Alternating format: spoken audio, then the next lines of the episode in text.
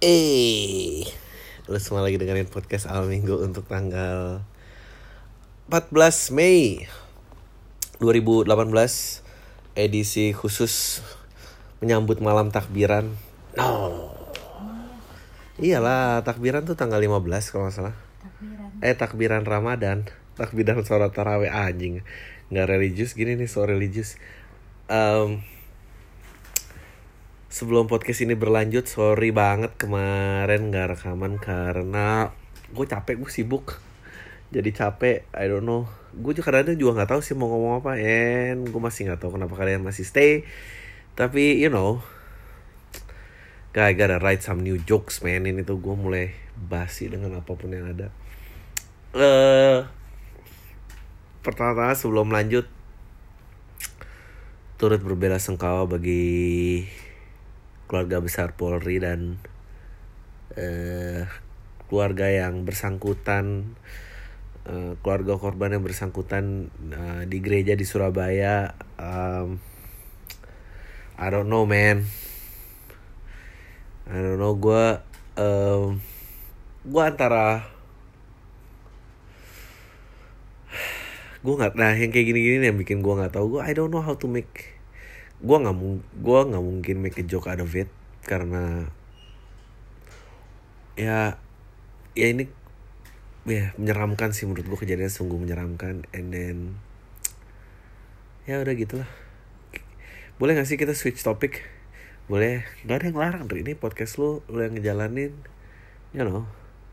Lu udah bilang bela sungkawa lanjut aja daripada lu nunggu di situ ntar lu bikin bercanda banyak orang yang tersinggung mending lu move on sebelum lu eh, dilaporin ke Komnas HAM dengan bukti UITE beru- berupa audio MP3 yang didownload dari SoundCloud podcast Al Minggu. Dengan ini jaksa tuntut umum membacakan bukti. Hey, lu semua lagi dengerin podcast Al Minggu untuk tanggal garing. Um, ya itu kira-kira gambaran dari ruangan persidangan gue. Uh, anybody watch Lomachenko versus Ralines? Ralines kan namanya kalau salah lawannya. Um, God damn it. Bagus banget men. Uh, Lomachenko is one of the buat gue aduh gue nggak tahu sih buat gue sih dia udah the greatest boxer ever live maksudnya technician wise uh,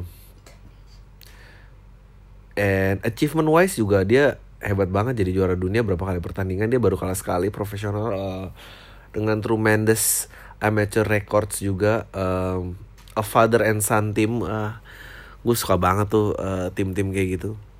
Biasanya gue nggak gitu suka tuh father and son team tapi buat yang ini gue suka banget. Um, sekarang dia pegang tiga belt uh, si Jose itu baru ngasih. Gua gua eh, gua sangat suka banget sama Lomachenko bagi yang nggak suka tinju coba lu mungkin kalau lu nonton highlightnya Vasily Lomachenko menurut gua eh ah dia petinju yang luar biasa banget sih maksud gua. A complete set dan very composed fighter banget gitu. Uh, sempet jatuh di ronde 6 dan gue benar-benar menyangka bahwa oh kalau ada orang yang bisa mengalahkan Vasily Lomachenko adalah orang ini dan ternyata nggak kalah juga. Fuck. Gue baca uh, itu ya pinter sih bapaknya bilang abis dia jatuh no no no no udah lu nggak usah kejar palanya lagi meskipun udah berdarah darah juga sih tuh lawannya. Kejar aja badannya kejar aja badannya kejar aja badannya dan itu abis sih gitu. Even gue sih eh, ya lawannya bilang ya tapi gara-gara ya wasit ngestop gue tapi kalau dilanjutin juga menurut gue sama aja sih. Em, ya mendarat pukulannya uh, 30% lebih dan ah you know gue tuh gue eh gue latihan tinju dari tahun mungkin 2011 gitu ya 2012 nggak lama setelah eh, nyoba stand up I don't know waktu itu gue emang lagi di fase ya gue mau ngelakuin apa aja yang dari dulu udah gue pikir untuk ngelakuin dan salah satunya adalah tinju. And gue suka banget tinju maksud gue gue uh, violence-nya I, I think it's a beautiful sport. Um, I think there's nothing wrong with violence in sport.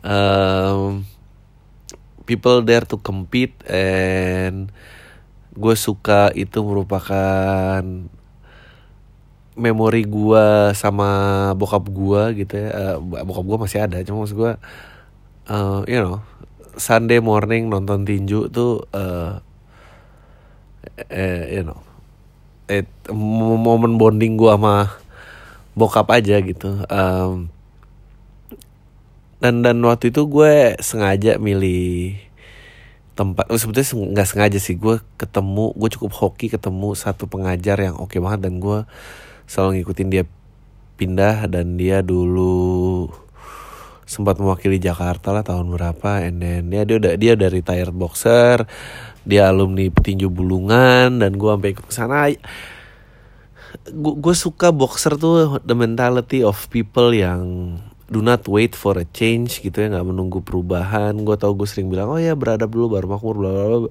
Beradab uh, untuk mak baru makmur tuh sebetulnya mindset yang mesti harus diberikan kepada uh, negara gitu dalam dalam merawat masyarakatnya. Tapi uh, for the people itself menurut gue do not wait for a change. Fight for what you believed in. Uh, dan boxer semua punya mindset itu gitu. Maksudnya uh, eh, gue lihat ada anak yang kecil bapaknya tukang parkir dan the dad wanted to change gitu. Dan uh, anaknya juga gitu nggak mau nggak mau nasib hidupnya seperti itu. Dan they go out and box gitu. Dan ya yeah, uh, meskipun ya yeah, it's a dying sport karena ada MMA dan segala macam but you know you should watch Vasily Lomachenko uh, tremendous tremendous boxer. You know what I like about boxing ya? Karena menurut gue gue suka tuh fighting sport karena mutlak gitu. Menang kalah pemenang pecundang that's it meskipun ya ada seri ada maksudnya ada elemen manusianya wasit dan segala macam tapi nggak ada gitu yang kayak kalah nggak bisa ditentuin kalah dan menang tapi bapaknya adalah tukang beca dan udah tiga tahun nggak ketemu. Mari kita undang bapaknya dari anjing lah. Ini makanya gue benci banget ajang-ajang pencarian bakat karena menurut gue yang dilombain apa gitu bu ya. Kalau lomba nyanyi ya udah yang menang yang suara bagus bukan karena bapak itu tukang beca gitu maksud gue kemudian lomba nyanyi apa aduh kasihan bangsat lah. Kalau boxer dipanggil semua masa lalunya mah kelar loh. Nggak ada ininya. Um, apa lagi ya gue uh, kemarin Malaysia memilih perdana menteri yang kembali uh, siapa namanya kan?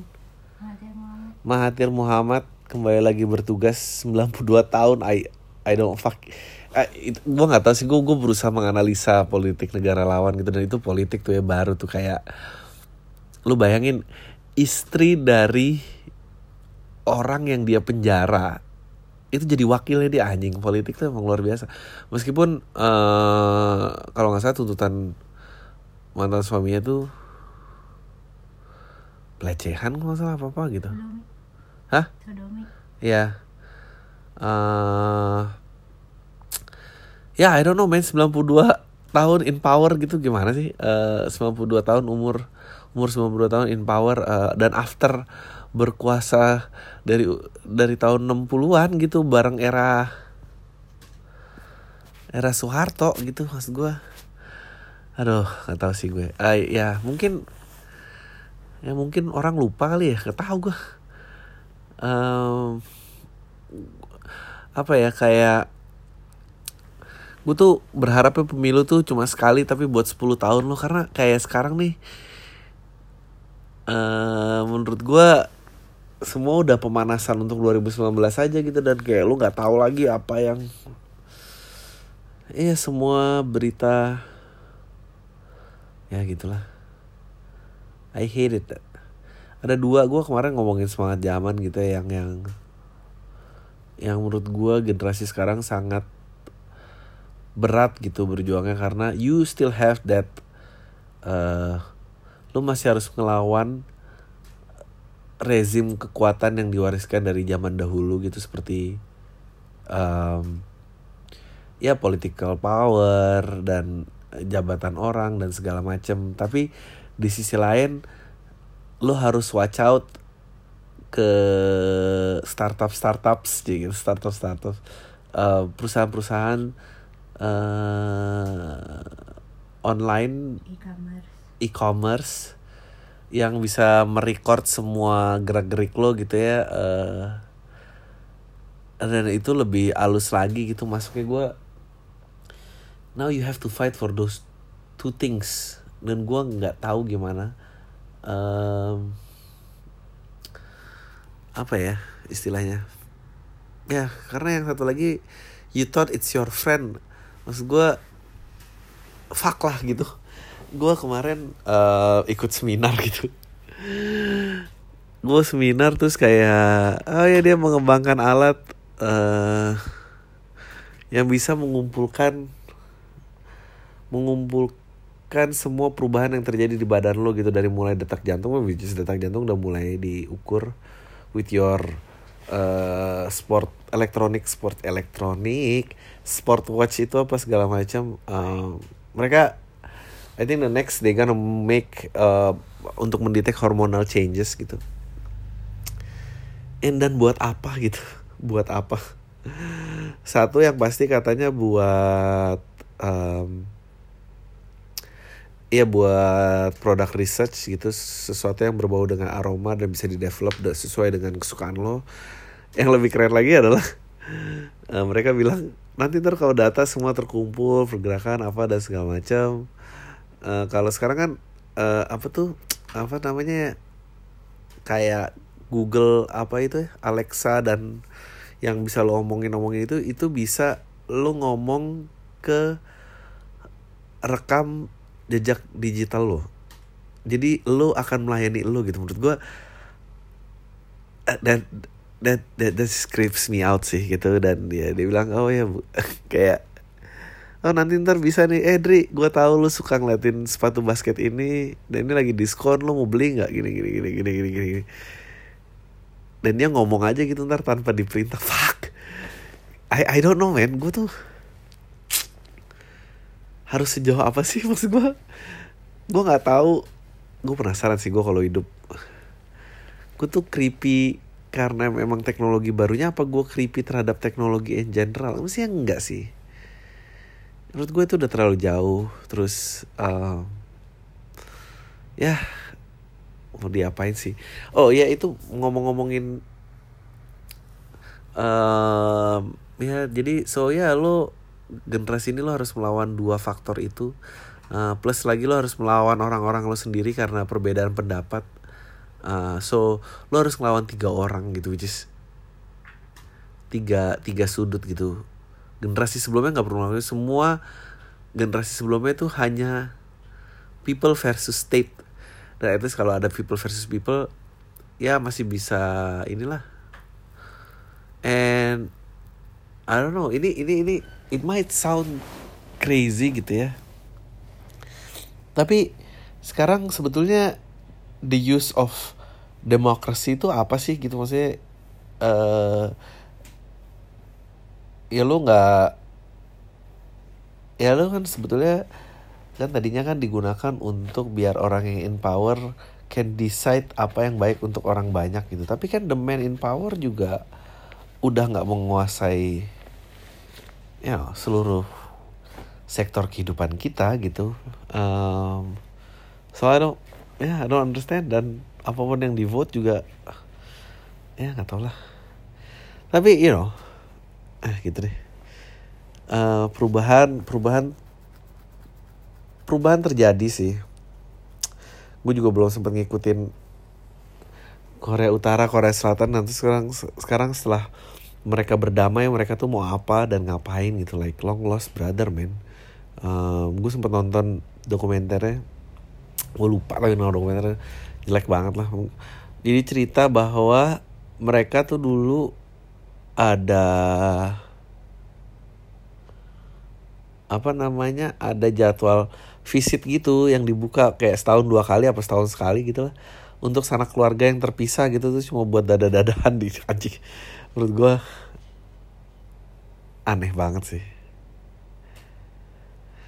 Uh, it makes you think ya, lu, lu Korea Utara buka diri ke Korea Selatan gue tuh jadi mikir gue inget banget conversation gue terhadap nggak tahu beliau masih main podcast apa enggak atau dia masih dengerin podcast gue apa enggak.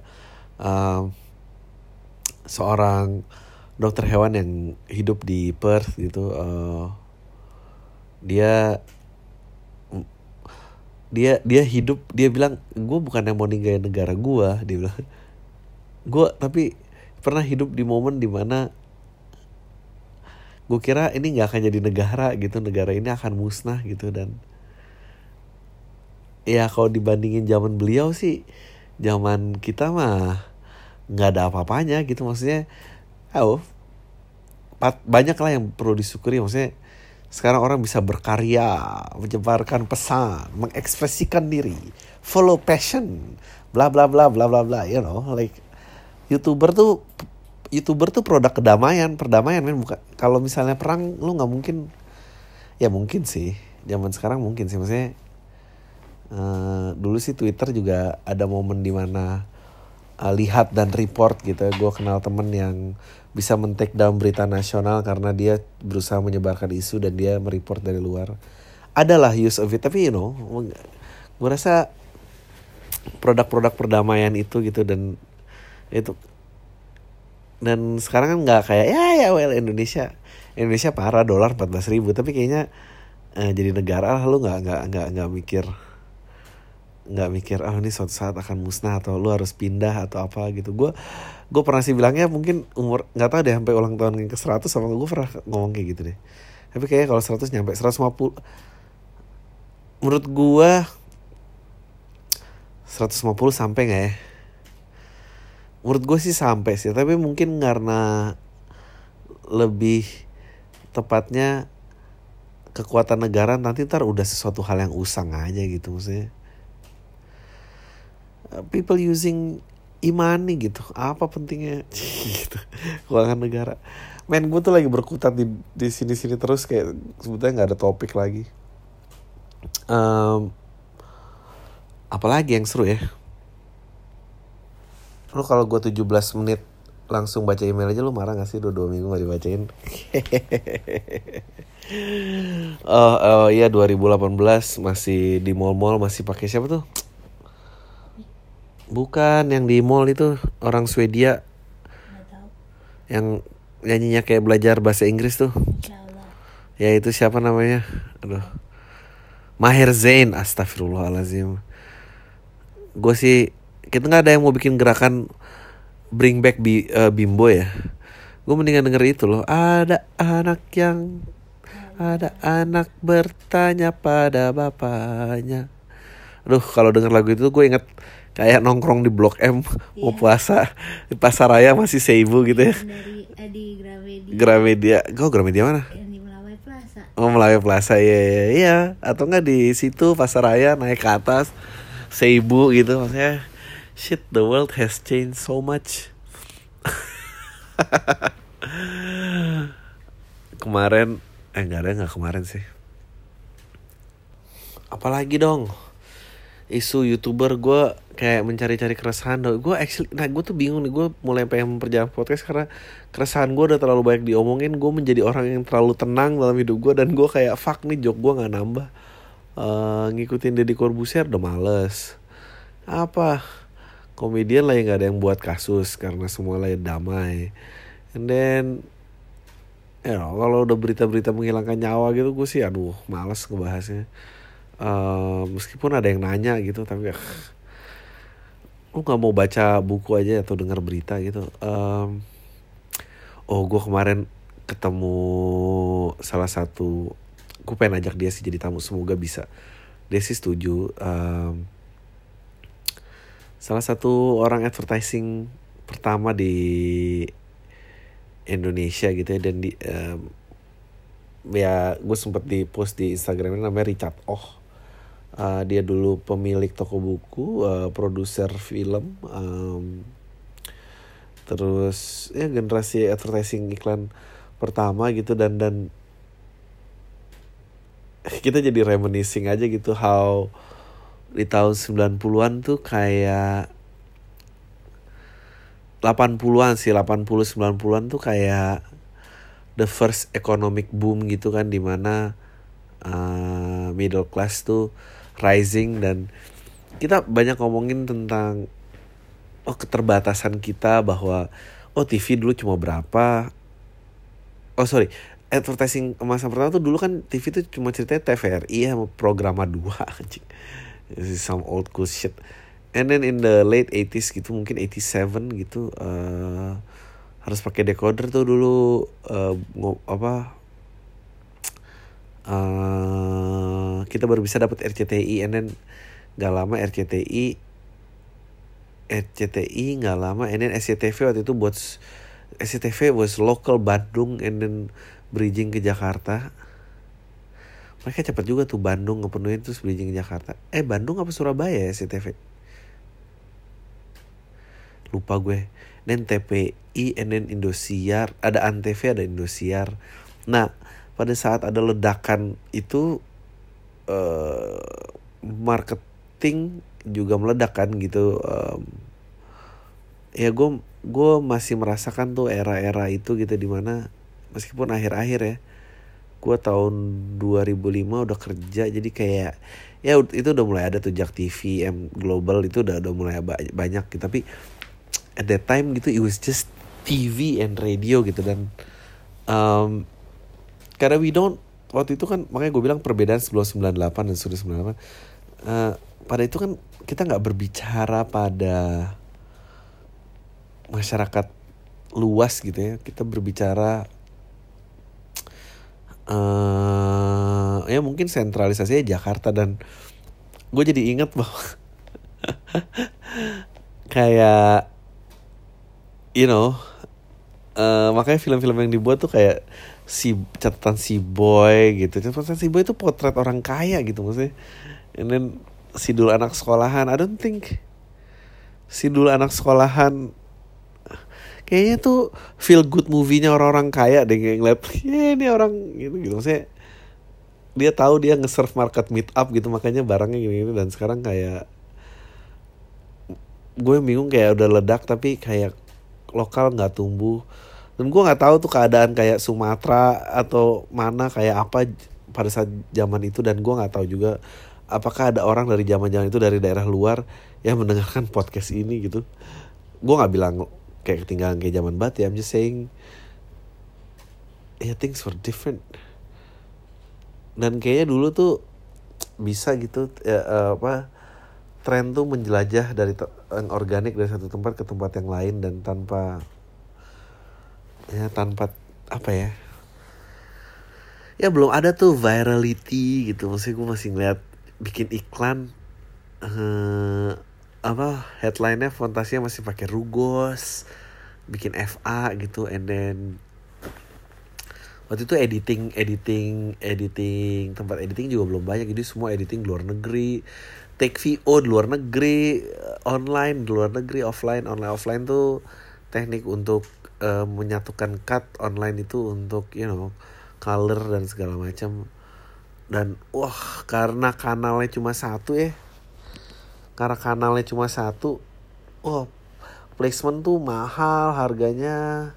Um, apa namanya semua SDM masih sedikit gitu. Uh, abis itu sembilan abis itu ya itu emas lah sampai tahun sampai Krismon gitu sampai Krismon banyak yang hoki ya banyak yang hoki bukan ya banyak yang hoki karena semua transaksi dalam dolar kan jeder langsung deh. Um, ya jak nggak tahu ya gue nggak bilang ya gue nggak tahu Indonesia gue nggak bilang sih dulu Jakarta bisa setinggi itu sekarang kalau Jak Jakarta atau Indonesia gue gue gue nggak ngerti pemetaannya sekarang gimana gitu. Kayaknya semua orang takut dengan golongan orang lain gitu. Um, ya dulu perasaan perbedaannya well dulu nggak juga sih. Dulu gue mau bilang tadi perbedaan politik biasa aja. Nggak sih dulu actually oh, people don't talk about politics you know? Orang tuh punya batasan ngerti gak sih? Orang tuh banyak batasan dalam dalam berbicara dan tahu informasi akan orang lain gitu. Makanya mereka akan stop di kedalaman agama dan pilihan politik lo. Ya karena lo nggak seringnya ketemu orang gitu eh berda- apa kalau pemilihan topik berbeda karena ada tekanan dari atas tapi still lah eh terus habis itu media era meledak sebelum menjadi sosmed gitu ya. I think SBY itu hoki. Eh karena belum ada sosmed gitu jadi kayaknya dulu masih gampang eh terus perbedaan politik nggak bikin orang berseteru gitu. Gue belum pernah gitu denger itu eh di zaman itu ya eh, and then abis itu sih yang gue kayak I, I can't do it.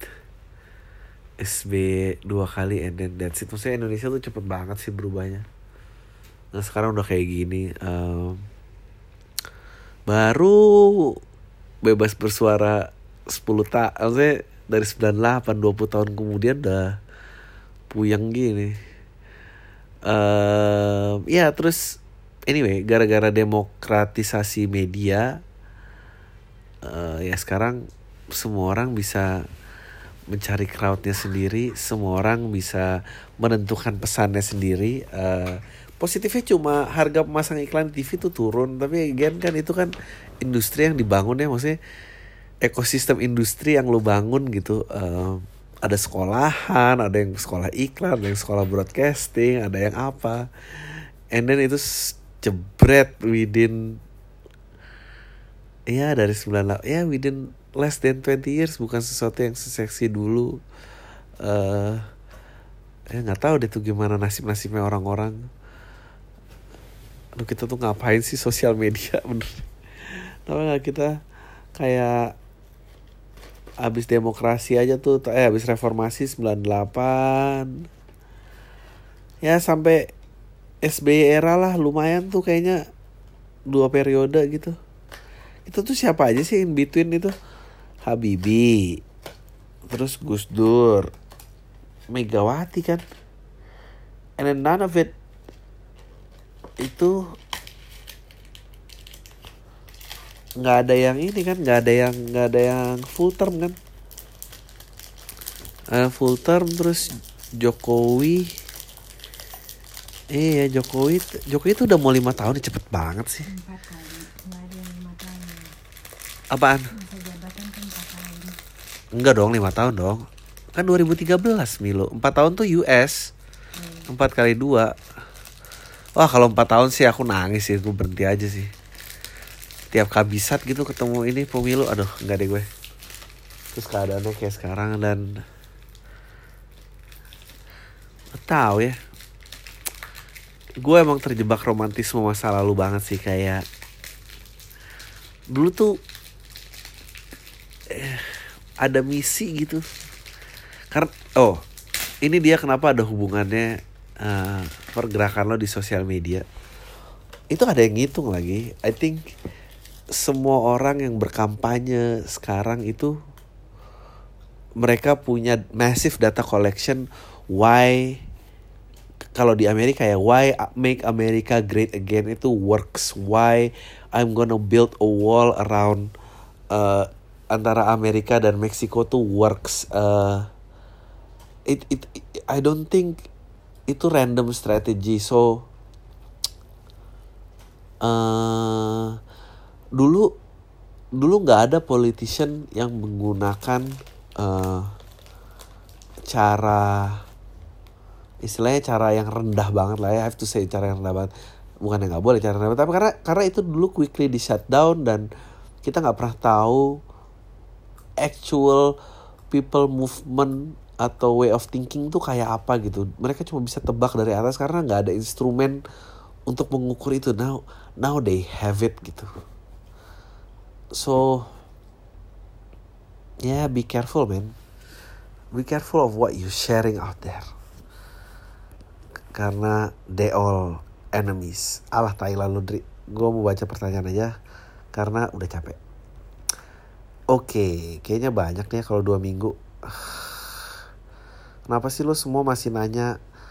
Ada gitu nanyanya kayak waktu yang pas untuk nembak selang deketin tuh berapa lama gak sih bang? Bla bla bla cik gitu bang gue baru belajar stand up cara lo nemuin sudut pandang gimana sih bang? Sama cara lo cabangin premis gimana? Ah nggak tahu ya coba-coba stand up aja sering-sering. Gue actually gue nggak pernah baca buku stand up gue baca buku joke sering tapi eh, you know I think kembali lagi ke apa yang mau lo omongin eh, gue nggak ngerti istilah lo tuh nyabangin premisnya. Nyabangin premis tuh apa ya? Gue ngerti kalau mau pakai teknik apa tuh yang cabang-cabang itu yang pohon rantai itu?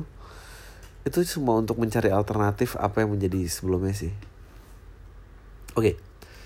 Assalamualaikum Bang Adri. Waalaikumsalam. Minta pendapat lo dong. Gue umur 23 tahun Gue lulus kuliah bulan November 2017 Dan sampai sekarang masih mencoba menikmati hidup sebelum kerja. Gue asli pengen nyari kerjaan yang sesuai dengan background jurusan kuliah yaitu fisika Dan gue tertarik di bidang research and eh, development engineering di industri gitu Wow, iyalah lu kuliah fisika sih harus sesuai dengan background sih Cuma kenyataannya susah banget cari kerjaan yang diinginkan Soalnya kalah kualifikasi dulangan anak teknik yang lebih aplikatif dan sesuai dengan kebutuhan perusahaan. Menurut lo, apakah gue harus menghilangkan idealisme gue untuk mencari pekerjaan lebih umum atau gue lanjut S2 di bidang teknik yang bisa gue dapetin pekerjaan yang diinginkan? Secara basic S1 gue adalah sains.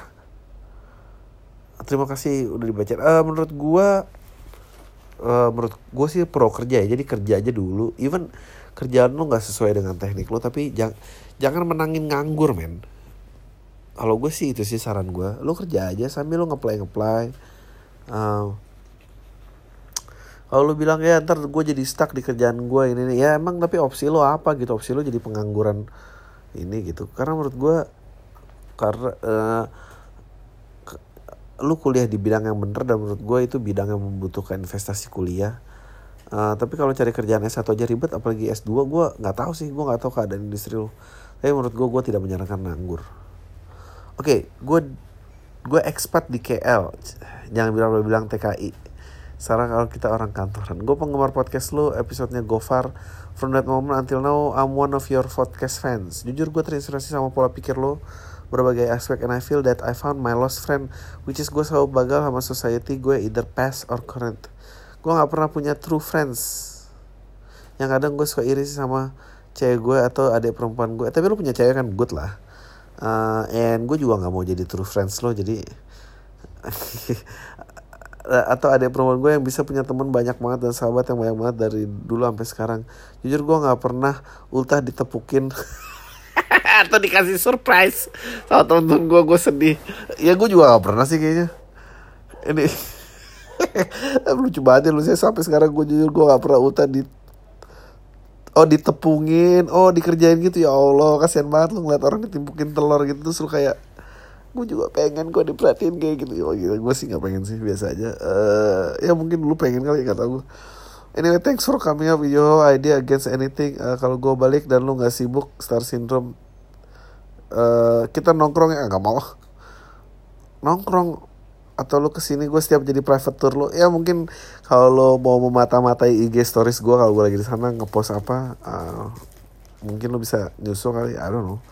Last but not gue bikin podcast juga baca media buat keluh kesah dan macam-macam hal yang gue hadapi di perantauan ini. Thanks udah baca email gue. Uh, salam kawan Taiwan, serigat. Hey, good luck ya for everything that you do, man. Lo kayak nyenengin, gue gak ngerti kenapa gak ada orang yang nepungin lo. Eh, Mak gue punya temen kuliah sekelas yang hobinya mereka itu bergelombor dan nyinyir entah di grup kelas atau di entah di grup kelas atau di kelas kalau lagi senggang. Gue dan pacar gue adalah korbannya jadi pacar gue ini muslimah sekali karena pertama kali masuk kampus sudah ber, seperti itu personanya dan gue udah banyak tukeran pikiran sama tonton gue dan gak pernah dapat solusi yang pas buat ngeredamin gerombolan sialan ini. Masalahnya korban ini banyak sekali. Mungkin lo ada saran bang. Ah, terima kasih lanjut terus mam. Ah ganti teman aja. Menurut gue itu gak usah ditolong. Nah, ini udahlah. Ganti teman men gitu. Maksud gue lo gak dengerin yang kayak gitu gak ada ujungnya gitu. Apalagi lo punya perempuan yang harus dijaga perasaannya. Em, emang gue ngomong kayak gitu bakal dimarahin feminis nggak? Perempuan harus jaga perasaannya. Lelaki tuh yang harus jaga mulut aja. Em, ya gitu sih. Ganti teman aja men. Bang gue suka sama cewek Waktu itu kita dinas satu rumah sakit Tapi dia udah gak di sana lagi Gue gak pernah ngobrol sama dia Karena dia sebentar di rumah sakit Gue follow instagramnya terus di follow back Gue chat via DM gak dibales akhirnya gue cari ID lainnya dan gue chat lagi dan tetap nggak dibales. Tinggal atau kejar nih bang. Malas mau nyerah cinta mau ngejar tapi chatnya nggak dibalas ya tinggal aja lo mau lewat apa? Mau lo telepon. Orang udah nggak dibales juga. Eh, bilang aja please dong balas dong sekali ini aja. Sekali ini saja. Kalau nggak mau gue biar gue move on nih bilang kalau ya kenapa sih kenapa nggak bisa ngomong kayak gitu sih? Gue juga benci sih digantungin jujur ya kenapa kenapa lo nggak bisa ngomong gitu sih? Eh sorry. Please dong jangan chat gue. Gue nggak berminat chat sama lo. Gue lebih bisa menerima itu lo daripada didiemin gitu. Tau lah. Hai Mari semoga lo terus terusan semoga, lo sehat terus. Pikiran lo pikiran-pikiran lo mengganggu banget sebenarnya tapi sering kali masuk akal. Itu kenapa gue seneng banget dengan kon banget konten lo. Sempet gue datang LPLKX begitu ya. Semua pas acara itu gue jarang ketawa tapi jadi banyak mikir anjir. Langsung aja gue kan kadang membaca buku motivasi-motivasi gitu soal memperbaiki diri dan lain-lain. Dan sementara kalau gue dengerin Pablo saya akan bilang cara untuk termotivasi itu adalah lakuin aja semua. Jangan banyak mikir nikmatin aja konsekuensinya. Pertanyaannya selama ini lo bisa punya tesis kayak gitu karena baca karena emang pengalaman lo sendiri atau lo sebenarnya juga baca buku motivasi gitu-gitu sampai akhirnya lo nyimpulin cara untuk termotivasi itu gimana? Baik eh, terima kasih udah baca email gue sukses. By the way love for sale itu film sakit keren. Em, kayaknya gue pernah baca ya beberapa buku motivasi eh, like I wanna be like Mike. Bukunya Michael Jordan. Eh, and then gue pernah baca Seven Habits of Highly Effective People. Um, ya that doesn't work buat gue. Um, gue merasa gini, gue tadi juga baru mengalami ini sih. Eh, gue merasa hidup gue paling stres itu pada saat gue eh terlalu banyak berpikir gitu atau, atau terlalu banyak berencana gitu. Gue jadi terbelenggu pikiran dan langkah-langkah gue gitu dan sementara kecepatan otak berpikir itu kan sangat cepat ya. Jadi kayak udah menyimpulkan sebelum eh kejadian yang lu inginkan atau lu tidak inginkan itu terjadi. Dia udah mencapai konklusi itu dan eh, berat melawan konklusi itu sendiri gitu. Eh jadi kalau gue nyaranin sih hidup yang nikmat itu adalah hidup yang tak berencana sih. Buat gue you know gue gue malas kalau ada attitude tapi kan kalau wawancara mau jadi apa? Itu namanya hidup nggak mikir. Beda loh nggak ter maksudnya hidup nggak ngerti konsekuensi sama hidup nggak punya pikiran gitu. Ngerti gak sih lo maksud gue Eh, ya itu dan dan gue merasa gue mencapai titik lebih jauh dengan kayak gini gitu. Gue benci kalau gue udah terbelenggu pikiran sendiri yang mungkin benar tapi gue nggak bisa hanya lihat itu di pemikiran gitu. Eh, karena mungkin semua organ itu kan diperintahkan untuk hidup ya. Jadi hid- untuk hidup meaning you have to be effective gitu eh, cari keamanan dan apa dan segala macam. Dan dan dan fungsi primitif itu masih ada banget dalam raja itu. Dan tapi hidup itu kan nggak ada udah nggak istilahnya nggak ada ancaman. Maksudnya lo nggak mungkin dimakan harimau. Maksudnya jangan keluar dari hutan nan- jangan keluar dari gua nanti ntar diterkam harimau bla bla bla segala macam. Itu kan udah nggak ada ya gitu. Itu dan pada saat itu nggak ada otak fungsi itu masih tetap kayak oh ya nanti kalau lo apply ke sini ntar lo ditolak lo di interview hari ini. Maksudnya eh, dia mengkalkulat jadi apa yang dihadapi dengan dengan dengan dengan cara yang sama gitu. Eh, itu dia kenapa oh ini tinju gue juga semua tinju tuh juga nggak punya rencana dulu. Dia latihan sampai itu otomatis di badannya. Ya mereka punya plan tapi plannya tuh pendek gitu. Server juga punya mindset yang sama gitu. You don't make the wave man. You see the wave and you ride it. Uh, and I think that's the best way to live life Uh, ada kesempatan pukul ada pukulan datang lu hindarin udah the rest is training preparation failure you know Uh, ya gitu sih dan gue juga paling begitu kalau otak gue juga udah mengambil alih oh iya Halo bang, gue pendengar setia dari Melbourne. Ya, Sebenarnya gue mau ucapin thank you udah buat pam sukses karir hidup dan keluarga. Amin. Mau diskusi dikit nih bang, dulu Johnny Depp pernah bilang if you love two person at the same time, choose the second one. Because if you really love the first one, you won't ha- have fallen for the second one. Emang mungkin ya ada orang yang bisa love sama dua orang sekaligus di waktu yang sama dan dua-duanya beneran love. Entahlah buat gue it just doesn't make sense. Nggak kebayang. Lu setuju aja nggak? Lu setuju nggak bang? Terima kasih. Eh gue nggak setuju. Eh nggak tahu ya. Gue sih nggak pernah ngerasain itu. Dulu temen gue ada sih tapi gue nggak pernah sih kayaknya hanya bisa diisi sama satu orang deh. Eh aku cinta kau dan dia tuh menurut gue lu nggak pengen ditinggalin aja karena lu tahu yang satu nggak ninggalin yang satu pengen ninggalin terus sakit hati and you confuse that with love. I don't know. Gue kayaknya udah nggak pakai istilah cinta. Waktu zaman gue SMP atau SMA bilang itu cinta deh sekarang gue kayak ngeliat nih anak satu nih kadang pengen sayang kadang pengen noyor kadang pengen tapi apakah itu cinta? Kayaknya cinta gitu kan? Ya gitulah. Aduh. Bang kan demen main basket ngikutin NBA kan? Ngikutin ngejagoin pemain- tim mau pemain siapa bang? Eh, berubah-berubah dari dulu apa sama? Bikin world tour dong bang terus ke Australia. Eh banyak ya gue email-email dari Australia nih. Cie. Eh gue ngikutin NBA dan nggak tahu gue sebetulnya mena- sangat menantikan final Cavs lawan Celtics. Dan semoga dua orang itu bisa balik. Siapa tuh? Kyrie Irving dan siapa tuh? Satu lagi yang bule Gordon Hayward. Gue pengen lihat dia match up-nya gini gimana. Um, terus Golden State lawan Rockets. I think uh, James Harden deserve to be MVP this year. Tapi kayaknya lawan Golden State berat deh. Kayak Golden State sih akan menang. Meskipun Rockets selalu unpredictable.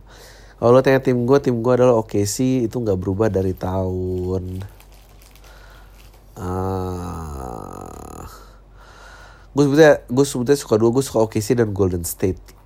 Eh, Golden State mungkin lebih lama OKC gue suka pada saat pertama kali di build pertama kali mereka final lawan eh, Miami waktu itu Eh, sekarang gue nggak gitu suka Golden State karena Kevin Durant pindah ke sana. Dia favorite player gue tapi dia pindah ke situ gue nggak ngerti. Kalau menurut gue mau pindah dari OKC ya pindah lah tapi jangan ke tim yang ngalahin lo gue masih barisan sakit hati. Eh, tapi oke sih ya sekarang Paul George sudah pergi Eh, Nick Collison pensiun Eh, Russell Westbrook stuck sama Carmelo Anthony yang gue nggak tahu tuh fungsinya apa Eh, kemarin mereka baru buang Oladipo gue nggak ngerti sih movementnya sama sekali Eh, so like ya mungkin tim 2 tahun lagi kali Ah, oke bang social justice warrior itu bener ada nggak sih atau ada yang lo kenal nggak bang menurut lo gimana? Eh, gue udah pernah baca, kayaknya beneran kali gue nggak pernah nyoba sih. Coba aja. Gue 22 tahun, gue di umur 20 tuh memutuskan untuk bangun satu movement yang berkembang jadi perusahaan dan akhirnya legal yang dipinjemin dari investor. Nice.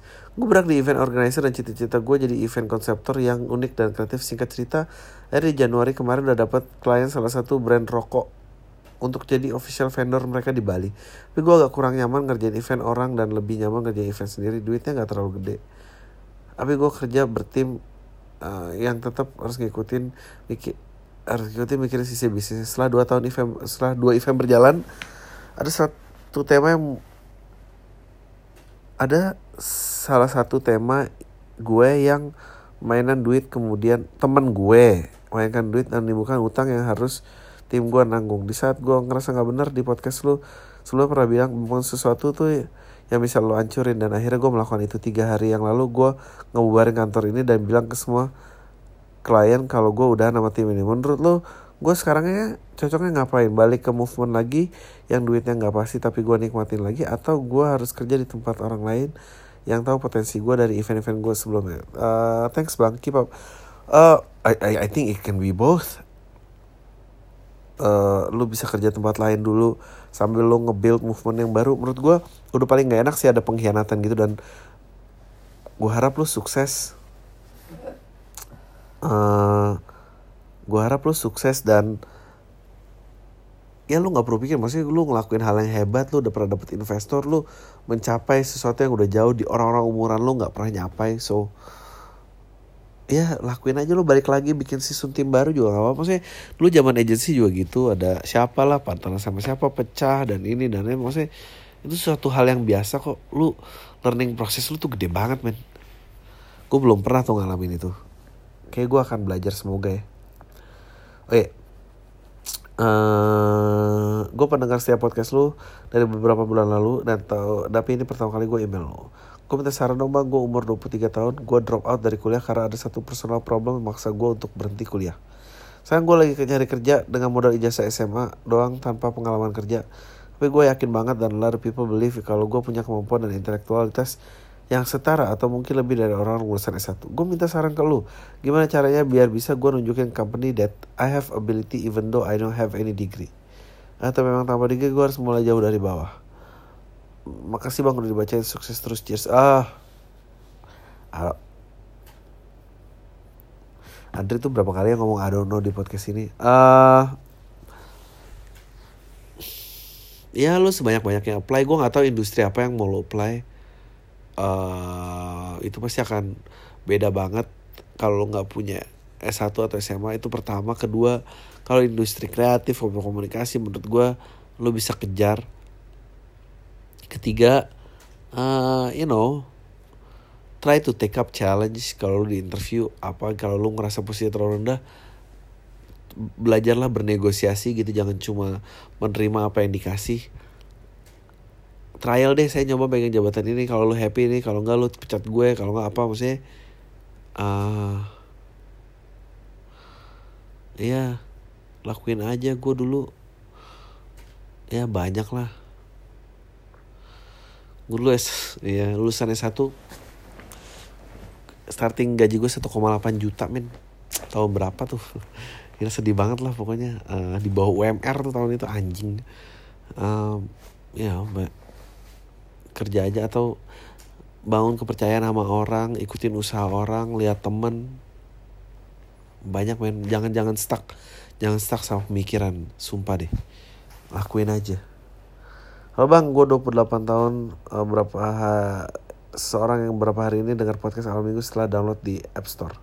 Langsung deh, gue ada rencana mau melamar atau menikahi pacar gue tak tahun depan, tapi di saat rencana tersebut tiba-tiba muncul pemikiran mau resign dari pekerjaan karena gue ngerasa jadi orang yang malas dan gak produktif.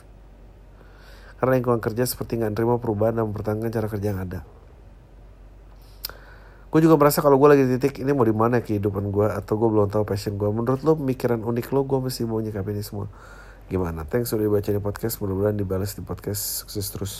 Um, gue 28 tahun gue resign gue buang semua kayak ilmu yang gue tahu di karir yang gue tahu untuk mulai dari nol. So lo wajar banget ngerasa kayak gitu.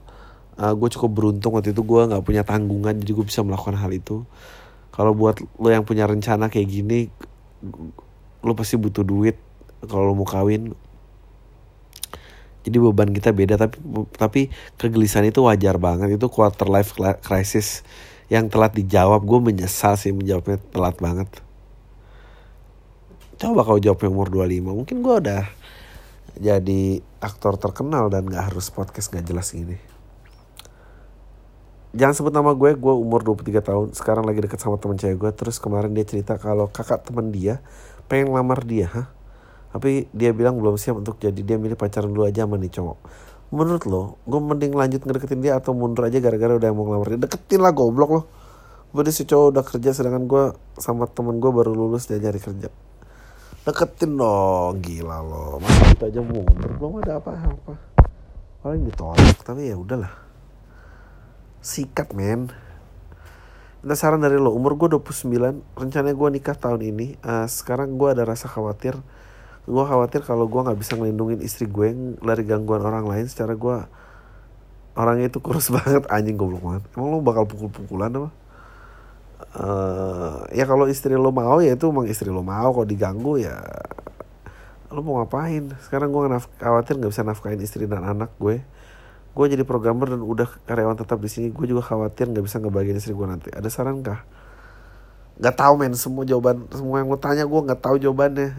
Gue kalau tahu jualan buku cara membuat keluarga bahagia aja nggak ngerti gue men. Itu prosesnya panjang pembelajarannya juga banyak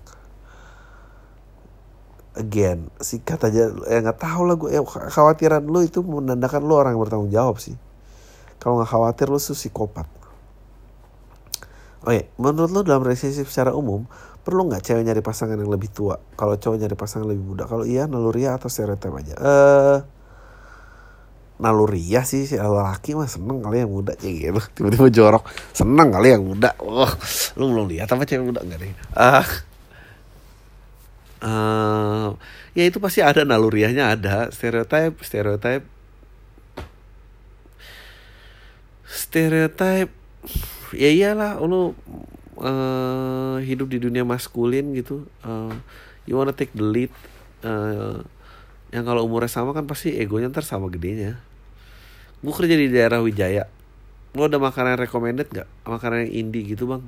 Kayak warung Pak Budi atau apa gue nggak makan daging merah karena darah tinggi. Ya. Daerah Wijaya nggak makan daging merah. Hah? Dia nggak makan daging merah. Babi kan daging putih.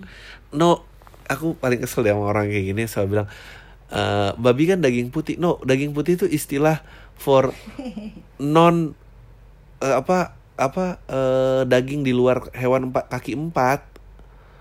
Kayak fish chicken that's white meat. Tapi kalau mammals itu red meat. Eh, sukses buat film keluarga Cemara. Gue nggak ngerti kenapa film-film Visinema produksinya bagus. Review gue kemarin baca dari Leila S. Yudori tentang Gading Martin yang beda juga dipuji-puji. Tapi penontonnya kok segitu lo dan teman-teman lo deserve more than that sih. Damn right gue dan teman-teman gue deserve than that. Apaan ya di Wijaya? Empat pijet banyak tuh Wijaya nggak deh. Gue nggak tahu juga. Eh makanan yang indie di Wijaya.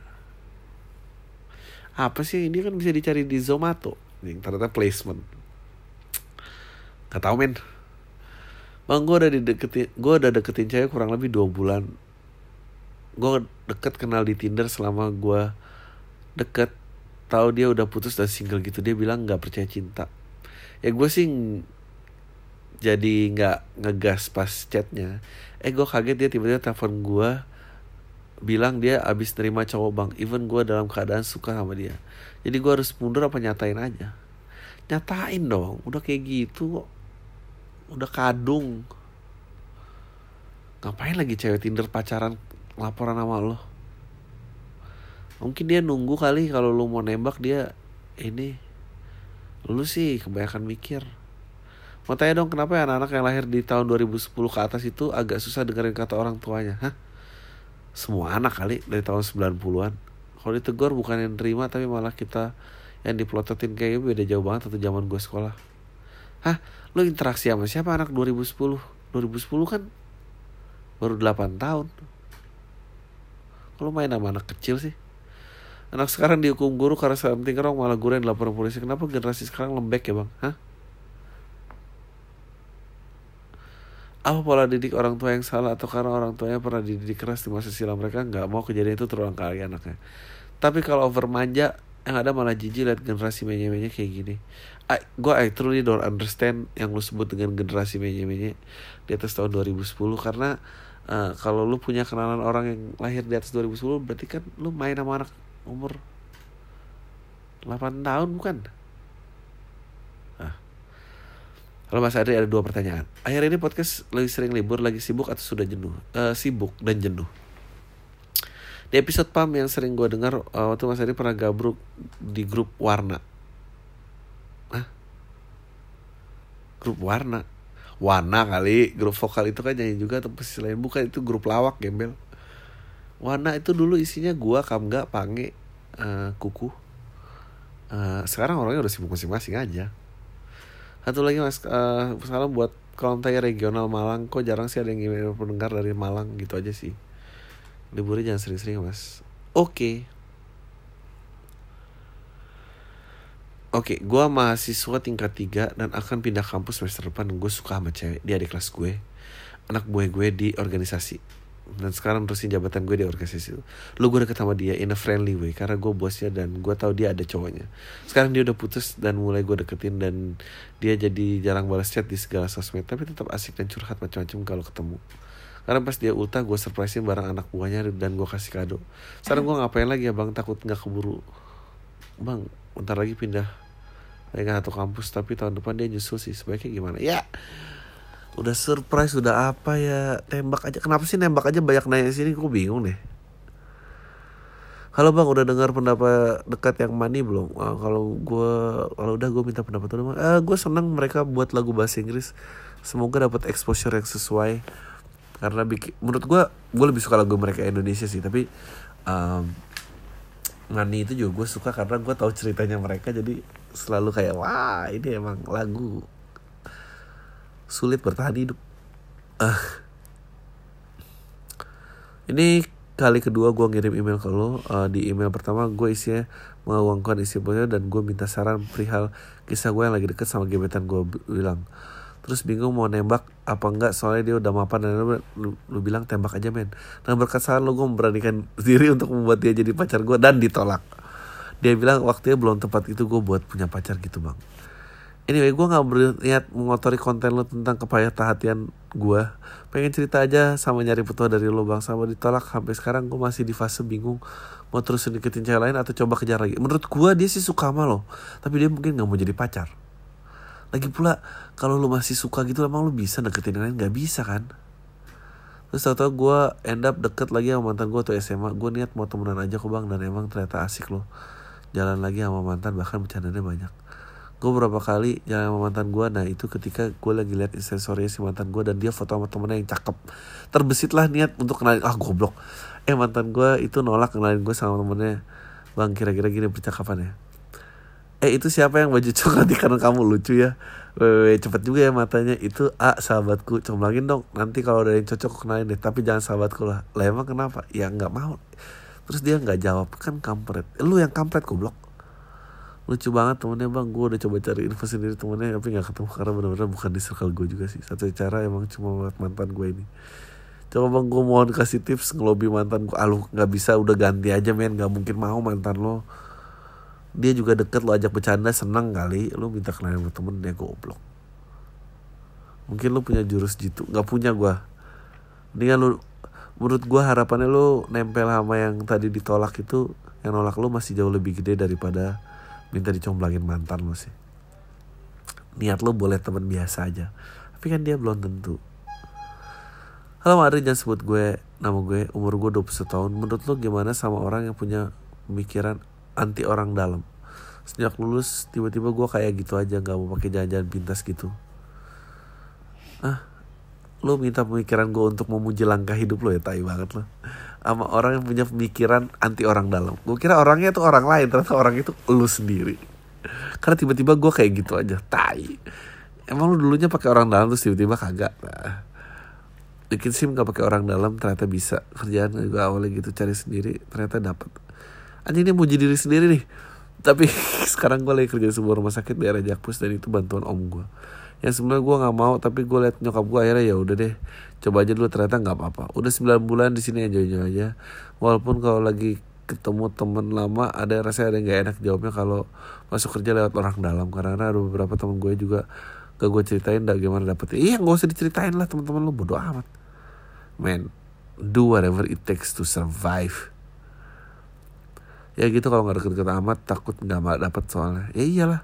Tapi gue masih ngelamar tempat lain juga dan rencana minimal di sini sampai bisa kuliah semester 4 syukur-syukur lulus S1 tapi kalau ada pengangkatan jadi honorer sih gue nggak bisa nolak juga bang Adri uh, thank you masukannya bang. Semoga bang Adri dan keluarga sehat dan bahagia selalu. Uh,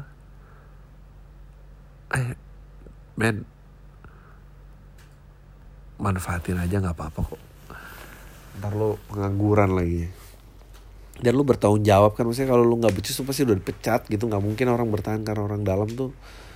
Ya kecuali lu di pemerintahan dan jabatan lu tinggi ya maksudnya. Tapi kalau kayak kerja di mana ya kalau karena kompeten lah. Ya oke lah masuknya diizinin tapi ya udahlah. Oke, Bang, honestly gue kan kerja barista di Bandung. Honestly gajinya menurut gue ini kurang cukup buat sebulan, apalagi buat kasih nyokap sama nabung dikit-dikit. Gue merasa terikat sama kontrak kerja gue yang selamanya 2 tahun dan ijazah gue yang ditahan. Hah? Tapi gue sekarang termasuk orang yang paling dipercaya sama ownernya. Hah? Ya kalau dia nahan ijazah lo mah, dia nggak percaya sama lo anjing. Aku percaya sama kamu, tapi ijazah kamu aku tahan ya gimana sih? Nah sejauh ini gue nyaman dengan keadaan kerjaan ini. Masalah, cuma masalahnya gue merasa terikat banget aja sama tempat ini. Karena di sisi lain ada teman gue juga yang nawarin kerja dengan gaji hampir tiga kali lipat dari tempat yang kerja gue sekarang. Intinya gue bingung aja bang. Eh, ya ambil yang tiga kali lipat lagi lalu. Maksudnya dan, atau enggak lo adu aja ke tempat kerja lo ini ada yang nawarin gini. Uh, gaji gue kurang, gue butuh bantu hidup gue. Lo harus bantu gue sih gituin aja kalau nggak balikin ijazah gue mana ada pengen kebijakan nahan ijazah gue nyaman lebih mencukupi atau gue nyaman tinggal di kota ini tapi secara finansial nggak bikin nyaman. Menurut lo gimana? Aduh men. Menurut lo karyawan telat kerja satu menit dipotong delapan puluh ribu itu bandingan dengan gajian waktu gajian nggak pernah telat itu adil dan termasuk komitmen salah satu perusahaan bukan sih? Itu soalnya gue salah satu rules di tempat kerja gue anjing banget. Eh menurut gue sih lo nggak di treat fair sih.